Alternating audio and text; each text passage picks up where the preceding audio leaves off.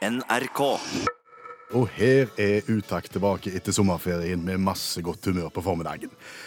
Og vi pleier jo gjerne å spørre hverandre hva sitter vi igjen med i år? Hva, hva er det som har gjort inntrykk på oss denne ferien? Skjæveland. Jeg sitter igjen med et helt klart, distinkt inntrykk av at nederlenderne kanskje er det mest gnina folkeslaget i, i Europa. Hvordan begrunner du det? Gniende? Ja, gnine, ja. ja. eh, De snur på gylden, for å si det sånn. Eh, Hvis de har en gylden anledning, på en Ja, måte? for de har jo euro nå. Ja. Eh, Nei, det er begrunning med at du ikke kan betale med visakort på svært mange restauranter. Det er oppsiktsvekkende. Er det sant? Kan du ikke betale med visakort i Nederland? Nei, altså, Det, det syns jeg er oppsiktsvekkende. for Jeg har hørt folk som uh, har reist langt inn i jungelen i, i Sør-Amerika, og inni der har de betalt med, med visakort. Ingen problem. Og så kommer du til Nederland, og så kan du ikke. Første feriedagen i Ned Nederland så satte familien sin ned på restaurant, og vi bestilte. Og så eh, er det mulig å få regningen. Ja, selvfølgelig er det mulig å få regningen. Så fikk du regningen, og så gjør du sånn som du alltid pleier. Du legger visakortet ditt sammen med regningen, og så Nei, nei, nei. nei det går ikke. Det gikk ikke. Nei, de tar ikke kredittkort. Ja, men det er ikke kredittkort, sier jeg. Det er et sånt, Jeg har kredittkort òg, men, men det her er et sånt et kort som det er penger på, så, så det er ikke kreditt. Nei, for all del. Nei, det går heller ikke. Er du nå i utkanten av Nederland, eller er du i sentral-Nederland? Altså, alt er sentral-Nederland. Eh, Du, kan, eh, du kan ta toget gjennom Nederland på et kvarter. Det er ikke svært. Så alt er sentralt i Nederland. OK, så her burde de hatt Ja, absolutt. Eh, Og det som jo da skjer, er at de sier nærmeste minibank er der i lende. Ja. Og så måtte han fare ut. Ja, og så sitter jo familien igjen da, som et sånn økonomisk gissel. Som et, liksom et symbol på at han kommer vel tilbake igjen. Han offrer vel ikke familien sin for, for to pizza og en burger og noe. Nei, Men hva har dette med at nederlenderne er gniende å gjøre? Ja, jeg kommer tilbake til det. sant? Så da går du i minibanken, og så tar du ut penger sånn at du kan betale. Ja. Og så betaler du. Og så neste dag så går du på en annen restaurant. Så skjer akkurat det samme. Men har du ikke lært da, da? Nei, for du trenger jo at det der første der er jo unntaket. Når det går i i jungelen i Sør-Amerika, så må du gå i Nederland, har du jo tenkt. Og jeg har jo ikke tatt ut nok penger til å betale for den andre restauranten, for jeg tenker jeg vil jo ikke gå rundt med sånne sedler. Jeg vil betale med kort. Jeg vil ikke komme hjem med 20-30 euro til over som jeg aldri får brukt, og som må ligge i, i en skuffe. Så da gjentar det jo det samme seg. Ut og gå for å finne minibank. Familien sitter igjen som gissel, og de må se dumme ut når de sitter der og, og venter. Og håper jo selvfølgelig at jeg kommer tilbake. Det er nesten som et plott til en film. Ha. Mannen gikk i minibanken og, og kom aldri tilbake igjen. Men hva har dette med at nederlenderne er gniende å gjøre? Jo, nå, nå, nå kan jeg fortelle det. For, for da måtte jeg jo tenke meg om. Hva er årsaken til dette? Da begynte jo journalisten i meg. Du er fotograf. Da begynte fotografen i meg eh, å våkne, Ja. så da begynte jeg med tung research. Eh, Så snakket jeg jo med, med, med fremtredende bankfolk. Folk i skranke. Nei, nei, langt over skrankenivå. Mellomledernivå. Og og over mellomledernivå òg. Altså helt opp på- på nesten sånn direktørnivå i bank Ja. eh, snakket jeg med folk. Og de hadde da en teori om at dette handla om å unngå å betale avgifter. For hvis du betaler med kort, så betaler du litt til kortselskapet med at du bruker kort. Det er ikke gratis å ta imot betaling med kort. Og for å unngå det, så kan du da ikke betale med eh, visakort i, i mange plasser i Nederland, så jeg var. Så derfor Så ikke nok med at nederlenderne er de høyeste i Europa, du mener også at de er blant de mest gniende også? Ja, ja. De, de er helt der oppe, for å si det sånn, både på å være høye og på å være knine. Og så spurte jo du meg eh, hva som hadde gjort inntrykk i, i sommer, og det var jo den eh, oppdagelsen med at nederlenderne er et gnient folkeslag. Eh, Jeg må jo nesten spørre deg det, det samme. Hva, hva har gjort inntrykk? Hva jeg sitter igjen med? Ja, ja. Altså, jeg har jo jeg har stilt meg en del spørsmål i sommer, og et av de vesentlige Ja, som jeg ikke har fått svar på, Ja. det er jo hvordan er det mulig at én is kan koste like mye som seks iser? Ja det har du lurt på, Det er ikke overført betydning, det er helt konkret dette her. Altså hvordan én is kan koste det samme som seks iser. For det er jo sånn at når sommeren kommer, Ja. så eh, pakker gjerne isselskapene flere iser inn i en sånn der familie multipack, Mhm. og selger f.eks. kroneis. Seks stykk kroneis, Ja. rasende billig. Ja. Eh, og det gjør de hele sommeren. Ja. Og sånne pakker kan du faktisk få med seks iser til prisen av én. Vanligvis. Dette har du prøvd? Ja, ja, ja. Eh, Hva er det billigste du har kjøpt seks iser for? Du kan få seks iser ned i 23 kroner cirka. 23 kroner, ja, for en, ja. For, for, for seks iser. Ja, ja, ja. Og, og skal du ha én, så koster den minst det. Ja. ja. Og da har jeg jo begynt å lure. Er det noen som uh, lurer noen her? Fordi at det, noen må jo tape penger her, ellers er det noen som tjener sykt mye penger på et eller annet tidspunkt. For dette regnestykket går jo ikke opp. Nei, de gjør jo ikke det. Altså, Det er jo kvantumsrabatt. Mhm. Kvantumsrabatt, det, det prinsippet skjønner vi jo. Ja. Eh, Men det er klart at eh, når det er billigere å kjøpe seks enn én, ja, hva er det du tenker på da? At liksom folk lurer? Nei, jeg tenker kanskje er det sånn at uh, isene i sexpacken er mindre. At du får egentlig mindre kroneis enn du får når du kjøper enkeltvis. At det er litt av grunnen til at de kan sende det så Jo, men Du har jo åpna en sånn sekspakning med is, og du har jo sett det at han er ikke, han er ikke en sjettedel så stor. Det er ikke sånn som på størrelse med en smurfeis, liksom. nei, nei, nei, nei, det er jo ikke det. Men, men jeg tenker én centimeter. Hvis du tar av en liten centimeter med krem, oh, ja, sånn, så ja. sparer du mye penger. Ja, jeg er jo skeptisk. Denne diskusjonen har vi kjørt nå eh, på kontoret de to siste ukene, mm. fram mot denne sendinga her. Eh, fordi at eh, jeg tror jo ikke at det er et eget samlebånd for eh, is som da skal i pakke. Sånn at det liksom, eh, her er det går den med litt mindre, litt mindre kjeks og litt mindre is. Eh, men eh, vi har jo funnet ut at dette må vi jo rett og slett komme til bunns i. Det er bare én måte å gjøre det på, og det er å gå inn i Utakt sitt forskningslaboratorium og måle. Ja. Vi har nå vært ute og kjøpt eh, to kartonger, to sånne sekspakker. Én fra Diplomis og en fra Henning Olsen-is. Og så har vi også kjøpt en enkelkroneis fra Diplomis og en enkelkroneis fra Henning Olsen. Stemmer. Så da er det vel egentlig bare å gå i gang med dette fantastiske eh, for, forbrukerjournalistikk-temaet som vi nå driver. Da åpner jeg pakken med Kronais Ja. fra Diplomais. Ja. Der er det utgangspunktet seks oppi. Ja. Og så har vi da, vil du da Skal vi ta et visuelt overblikk først? Det kan vi godt. Eh, Den som er kjøpt enkel, og den som er kjøpt i pakke, ser nøyaktig eh, like stor ut. De har bitte litt forskjellige design på selve papiret, men i størrelse så ser de tilsynelatende like store. Eh, Det er ikke nok med et visuelt blikk her, vi må også ha vekt. Eh, I sekspakningen er det 77 gram med Kronais. Hvis vi da tar enkeltisen fra Diplomais og setter på så er det 83. Der har du det. Nei, vent da nå, men altså, nå må vi, må sjekke, med rest, sjekke med et par til, bare for å ha... Ja, sant? Neste is i, i sekspakningen, den er 82. Ok, Men det er fortsatt fem gram. Nei, det er én, da. 77 mot 82. Jo, jo, men altså, nå, så, så der er, du ser der er, i sekspakningen så er det inntil fem gram eh, forskjell her. 77, 82, og nå tar jeg, jeg kan ikke gå gjennom alle seks, for det blir litt kjedelig for folk å høre på, men det neste, ja, du ser, så de er, de er inn forbi, Så godt som like. ja, det vil jeg si. Ok. Så der ble vi ikke lurt på den fronten. Ikke på diplomais, nei. Nei, da spør vi Henning, eller Henning. Henning Olsen, da går vi først på den som har ligget i sekspakningen. Den veier 89. 89 gram i sekspakken. Da får du mer kronais. Du får mer kronais hos Henning Olsen enn du får hos diplomais. Ja. Det er oppsiktsvekkende. 89 på den som er i pakken. Ja, Enkeltstående Henning Olsen. 79. Mindre. Dette er jo...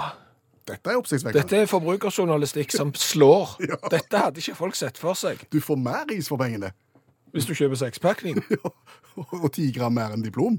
Ja, det, det må jo være et eller annet sånn innenforbi. La oss si at det er relativt likt, da. Ja, det kan vi si. Og så kommer resten av dette programmet til å bli alle tiders, for nå har vi plutselig 14 is. Du, jeg må tilbake til den sekspakningen og problemet rundt sekspakningen med is. Fordi at når du kan kjøpe seks stykker is for samme prisen som én enkelt, så er jo jeg litt sånn som nederlenderne. Du er litt gnien. Jeg er jo litt gnien, så da vil jo jeg gjerne kjøpe det hvis eksempel min familie skal ha is. Ja. Men det blir litt mye, kanskje? eller? Ja, det er jo en ting, men det, det første er jo at du må inn i butikken, og så må du jo overbevise da unger og, og resten av familien om at det er faktisk kronis dere vil ha.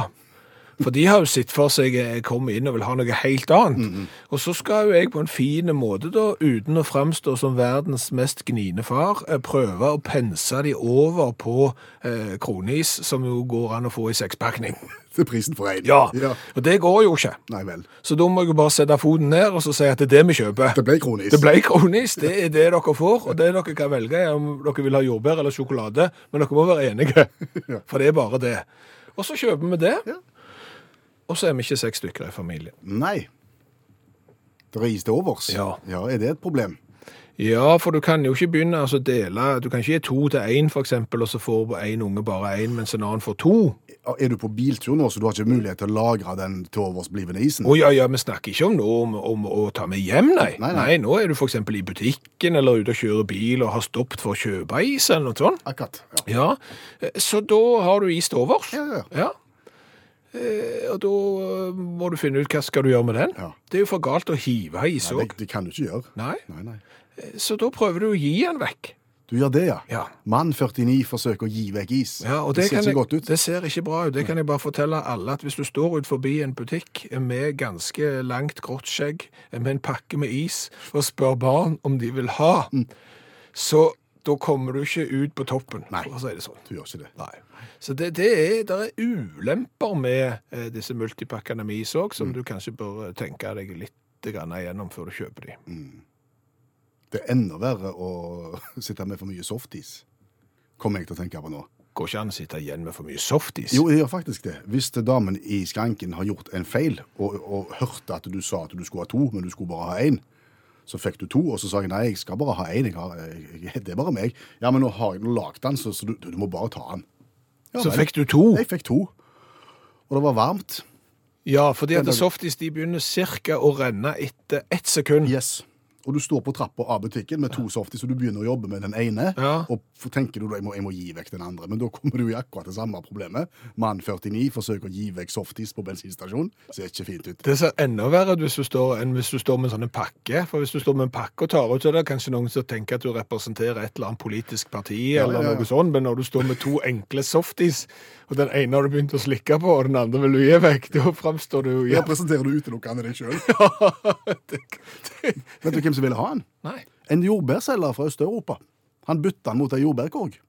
Oh. Jeg ville gi han, han, han så nok hva som hadde skjedd, så han sa han ville gjerne ha han, men han ville, det var for galt at han skulle få den, så jeg fikk ei jordbærkorg i stedet. I betaling. Ja, men det er jo fiffig. Da kom begge godt ut av det. Har du fått lest noe i sommer? Ja. Masse. Krim? Ja, krim, ja. Jørgen Eger sine bøker om eh, lensmann Ole Vik og Cecilie Hopen og, og all kriminaliteten i, i Fjellberghavn. Jeg tror jeg er kommet til bok nummer syv eller åtte nå. Har du lest noe i sommer? Mm. Og lest Nesbø? ja. Krim. Krim, ja. Men så har jeg også lest historien om Kalvøyafestivalen. Det var ikke krim. Det var ikke krim. Men det var kriminelt gøy innimellom. OK. Ja. ja, ja. Men, men du har ikke lest noe av Shakespeare eller uh, noe av Ibsen eller Det ble ikke det denne sommeren heller. Nei. Det er jo det som er problemet. Vi får lest om sommeren, men så tar vi gjerne de bøkene vi har lyst til, istedenfor de bøkene vi har hørt at vi burde ha lest. Og derfor så lanserer vi da et tilbud i dette radioprogrammet hver mandag, at vi går igjennom disse bøkene som en burde ha lest på fire-fem minutter. Så kan du framstå som du har lest de etterpå. Janne Stigen Drangsholt er forfatter og litteraturviter, og det er hun som hjelper oss med det.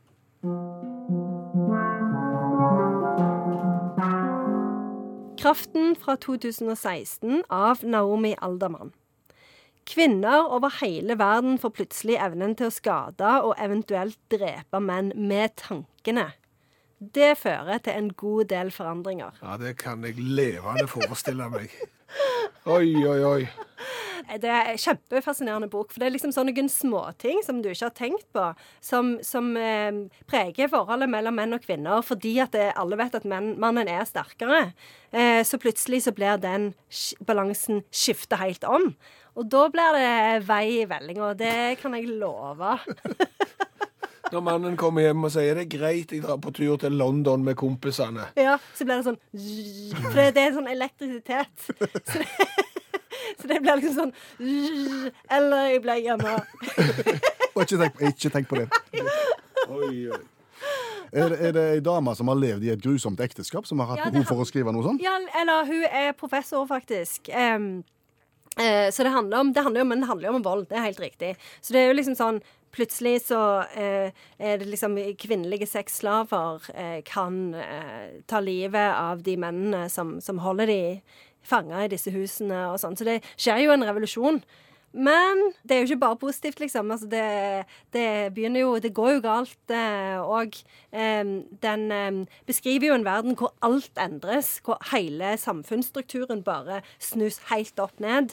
Eh, men samtidig så er det jo òg en sånn en eh, bok som sier veldig mye om eh, hvordan strukturene faktisk er i dag, fordi at menn har hatt det fysiske overtaket på kvinner i alle de år. Men går det galt fordi at makta går til hodet på kvinnen? At det blir for mye av det? Ja, det er tydelig at det ikke er bra at noen har evnen til å, å drepe andre med tanken heller. Viser det at dere damer er ikke klar til, til å, å få den der kolossale makten der? Nei, det gjør ikke det. nei, det Nei. For det er mange ting som blir mye bedre.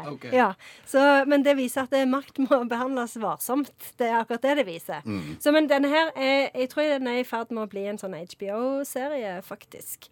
Men eh, jeg vil anbefale mens du venter på serien, å lese boka, for den er helt utrolig spennende. Eh, og Naomi Alderman sjøl har sagt at hun håper at, det, at menn leser denne boka, at det kan være en sånn en øyeåpner for dem. Du kaller det en klassiker, men den er bare en tre-fire år gammel? eh? Jeg har bestemt meg for at den er en klassiker. Du kjente deg sånn igjen i denne Ja. boka at du har bestemt at nå skal det være en klassiker? Ja, det har jeg. Så dette La oss bare omfavne den tanken. Hvis det ikke kan være at jeg dreper dere med elektrisitet. Har du et sitat fra Kraften? Ja, det har jeg. Dette er problemet med historien. Du kan ikke se det som ikke er der. Du kan se på et tomt rom og tenke at noe mangler.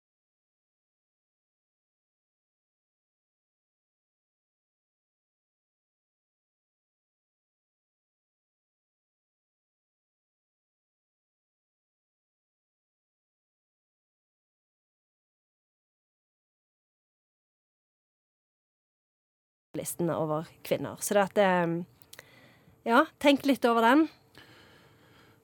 Før Janne nå skrur på strømmen, så må du eh, oppsummere verket for oss. Ja, dette her er jo bare en helt fantastisk bok som alle bør lese, spesielt menn, eh, for å finne ut hvor utrolig bra eh, damer er, og ikke minst Janne Stigen Drangsholt, som kanskje er den fremste av de alle. Det Jeg bare sier dette her nå, for jeg frykter at plutselig så får de de evnene som boka skisserer, og da, da vil ikke jeg stå først i køen, for å si det sånn. Dette har du plutselig gående.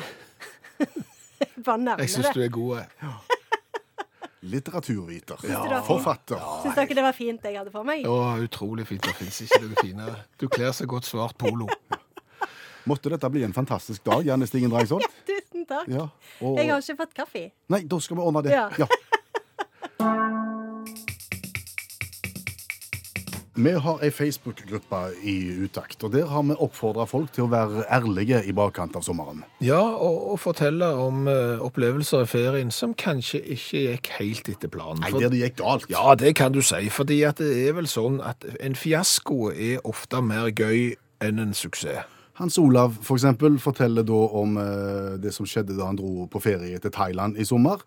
Kombinasjonen varmen, fremmed bakteriekultur og at Hans Olav var altfor tøff i trynet med, når det gjaldt inntak av sterk mat. det endte med kapitulasjon i tre dager. Det smalt godt, for å si det sånn. Ja, det ser du. Mm. Sveinung eh, har en, eh, gått på en smell, og, og det her er et aldri så lite forbrukertips òg. Å. Eh, fordi at eh, når du har sånn kjølebag som du kobler til sigarettennene, sånn som får strøm i bilen du har sittet i, Ja, ja. noen er sågar så eh, avansert at de òg kan varme.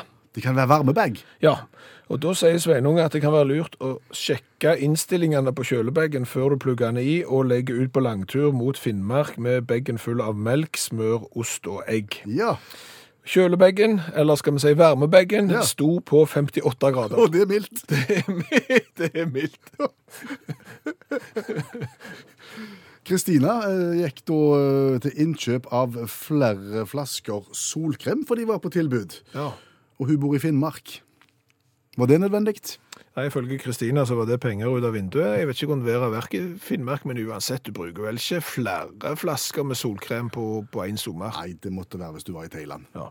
Eh, her er vi kommet til Jan, som da er han er ny bobileier for uh, sesongen. Oh, ja. Og han har til og med vært så grei at han har eh, kalt bobilen sin for Utakt. Vi har fått bilde av han, det står Utakt på sida. Han kalte opp utakt, eh, bobilen sin til utakt. Ja, det er da du vet at du har gjennomslagskraft når du får en bobil oppkalt etter deg. Det er rørende. Ja, det er det. Eh, Men de gikk jo da på en smell i, i, i Brendasund, på skjæret til Nillo. Aner ikke hvor det er, men det som er greia, er at som lyn fra klar himmel, så kommer det et sjok. Hva er sjog? Har ikke peiling, men jeg tror det er vind. Ja. Eh, Og tok med seg da uttaktsmarkise. For Det er sånn du ruller ut fra sida på bobilen. Ja, ja, ja. Og så tok, vi, tok sjogen den, og Voff. løfta markisen opp på taket. Og da var det jo bare å pakke sammen de sønderknuste restene og en kostbar erfaring rikere. Roger hadde med familien og ungene i badeland i Danmark. Eh, og mot slutten av dagen så skulle de da ta ei sånn vanskelige. World's Longest Wild River. Verdens lengste, ja. Der går det fort og langt. Okay. Uh, han skal da hoppe uti først. Det går galt, fordi idet han skal på en måte kaste seg ut i den sklia, Ja. så hopper han ikke langt nok. Oh. Og lander oppå kanten med brystkassen, på en måte. ja, det er en sånn kant oppe i toppen der du Ja. liksom Et lite basseng, ja. Ja. Og Au! Bang, sier de der. Og han- han slår da pusten ut av seg sjøl, Ja. men blir på en måte likevel dratt med i dragsuget videre. Og sklir da nedover som en død som en død sild, som jeg sier. Sønn på elleve fatter mistanke og tar igjen far og kommer seilende opp på sida og spør går det bra, pappa. Men uten luft så får jo ikke Roger ut et ord. Rister bare på hodet. Resultat brukket ribbein og åtte til ti netter med dårlig søvn og svært lite mobil resten av danmarksferien. Fordelen med å knekke ribbein er jo at det gjør ikke så vondt når det skjer. Det gjør mye vondere etterpå. Stemmer det? Fortell om Lisbeth. Ja, det kan jeg godt. Lisbeth har vært på ferie og gikk da inn i feil leilighet etter å ha tatt et bad. Men heldigvis så eh, mannen som satt på terrassen og som eide leiligheten, han la ikke merke til det før Lisbeth hadde snudd. Så det er jo en fordel. Favoritten min er Olav. Okay. Olav har vært på campingtur Hva skjedde? i Sverige for første gang på 20 år, og da finner du selvfølgelig fram det gamle teltet. Det er bitte, bitte, bitte lite. Ja, det er bitte, bitte lite, og det er ganske stusslig og usselt. Og da tenker Olav, her må det på en liten oppgradering. Ja. Kjøper da så Jeg vet ikke om du kommer på det engang. Kjøper da partytelt. Som han skal bo i. Ja, det er jo egentlig bare sånn fire stenger og et tak. Ja. Han skal ikke bo i det, han skal ha det oppå det andre teltet, sånn at han får en uteplass så han kan sitte. Og så blir det teltet som er litt stusslig, det blir litt mer vanntett. Ja. Hva skjer? Så begynner det å blåse. Au. Partyteltet med stenger på slep blåser bortover campingplassen, sneier naboen sin campingvogn, før det fester seg rundt parabolen til en danske bobil. Litt lenger nede. Og der hang han fast og veia. Og, og teltstengene de banker mot, eh, campingbilen til dansken. Og dansken, stakkar, han kommer ut, for han har mista TV-forbindelsen sin. Ja, hva sier han da? Nei, han blir livredd. Hvorfor det? Fordi der kommer Olav. Ja, Med Kniv. Springende i fullt firsprang. Men det er jo for oss å skjære vekk eh, partyteltet fra parabolen. Men det er klart dansken ble jo nervøs og slenger igjen døra og springer inn. Får Olav kutta linene? Ja, han Kanskje får det. Nei, da blåser jo selvfølgelig partyteltet videre. Oi. Ut i Gjøtakanal. Nei, hva skjer da? Da kommer det en båt. Ja. Partyteltet henger seg fast i enden på et lavthengende fender på båten og forsvinner da oppover Gjøtakanal mens det henger der og ser ut som en trål. og da er det selvfølgelig bare én ting å gjøre. Det er å kjøpe helt nytt telt med forgang, walk-in closet, doble stormkroker slått en liten meter ned i bakken.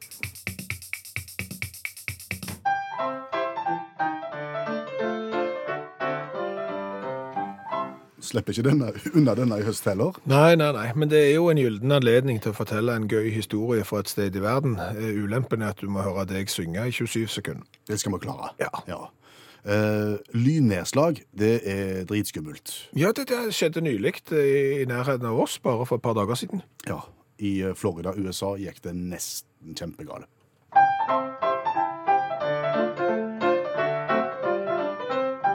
Det var tidlig en kveld, sommerdagen var på hell, og Mary Lou, hun var hjemme helt alene. Og hun måtte på do ganske mye, må vi tro, men hun rakk aldri fram til porselenet. For da lynet slo ned i septiktanken, sa det bang, doen knuste, og så kom stanken. Et inferno i hvitt, hun overlevde kun så vidt. Godt at doturen bare ble med tanken. Inferno i hvitt? Ja. Er du sikker på at det var Inferno i hvitt? Ja, for jeg har sett bilde av, av, av hvitt porselen. Oh, ja. Ja, altså Her slår da altså lynet ned i uh, septiktanken, som ligger da tilknytta huset. Ja. Og før Mary Lou rekker å gå på do, Ja. så ifølge forskere da, så har da lynet klart å antenne en eller annen form for metangass i røyrene mellom tanken og Mary Lou. Og, så nå, og ilden fyker da gjennom røyrene og opp i klosettet, og badasj! I tusen, tusen biter. Men, men hun klarte seg. Ja, Hun rakk jo aldri fram. Hun, kom, hun, hun var i stua da det Kan, smalt. kan du tenke deg sangen nå, så måtte det komme Hello, Mary Lou. Hva har vi lært i dag? Og vi har lært litt i dag òg. Har blant annet lært at eh, nederlenderne er gnine. Basert på dine opplevelser. Ja, du kan ikke betale med visakort på svært mange restauranter og butikker i, i Nederland, og, og etter å ha snakket med bankfolk på over skrankenivå, eh, så konkluderte vi med at det er fordi at butikken må betale for å ta imot penger med, med visakort. Så, så da er de gnine, og, og så må du i minibanken. Du får kjeft av Paula, som bor i Gråningen, Nederland, og sitter der altså og hører på deg akkurat nå. Au. Ja, og, og sier at det er bare vas det du sier, at ikke du kan betale med visakort eh, på nederlandske restauranter. For noe tull! Dette sier nok mer om de restaurantene du eller fotografen har valgt å gå på, sier Paula. Men hun kan være enig i at eh, nederlenderne kan være gniene. Å, jeg kan være enig i det, ja. Ja, men det har ingenting med visaen å gjøre. Å, oh, ok, eh, greit. Det var gjerne ikke så mye hvite duker på de restaurantene jeg gikk på. Det skal jo være eh, seis. Men, men Øyvind, han støtter meg. Oi. Visa er et problem. eh, Og dette er fra en mann, altså Øyvind, som har vært i Nederland 32 år på rad. Det er mye. Det er, er mye. Og, og en som har vært på campingplass i Nederland, ingen visa der heller. Og Ole kan fortelle, ikke bare Nederlander er et visaproblem. Hellas, der vil de òg ha cash. Tyskland, Østerrike, Kroatia vil de òg ha cash på restauranter og taverner. Dels for å unngå avgifter og for å gjøre omsetningen svart. Og da har vi stigmatisert nederlenderne som ikke bare gnine, men som tilhengere av svart inntekt i tillegg. Er dette enden på visa? Dette er enden på visa, og det er nok første og siste gang jeg har feriert i Nederland, hvis Paula nå sprer rykter om hva, hva vi driver og sier på riksdekkende radio i Norge. Har du lært noe annet i dag?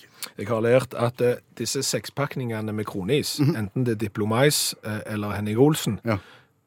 isen oppi sekspakningen er nøyaktig pluss minus fem gram like tunge som den isen som du kjøper enkeltvis. Vi trodde kanskje at de var mindre det i sekspakken, siden de, er, de koster det samme som én en enkelt? Ja, du kan kjøpe én enkelt eller seks for samme prisen. Men det som er oppsiktsvekkende i Uttak sin forbrukerforskning, det er jo at hvis du kjøper Henning Olsen Kronais, så er den opptil ti gram tyngre enn Diplomais sin. Ja, ja. Det, det var de to vi forsøkte mot hverandre. Ja, ja, men det, det, det er Signifikant. signifikant. Hva betyr det Jeg har ikke peiling.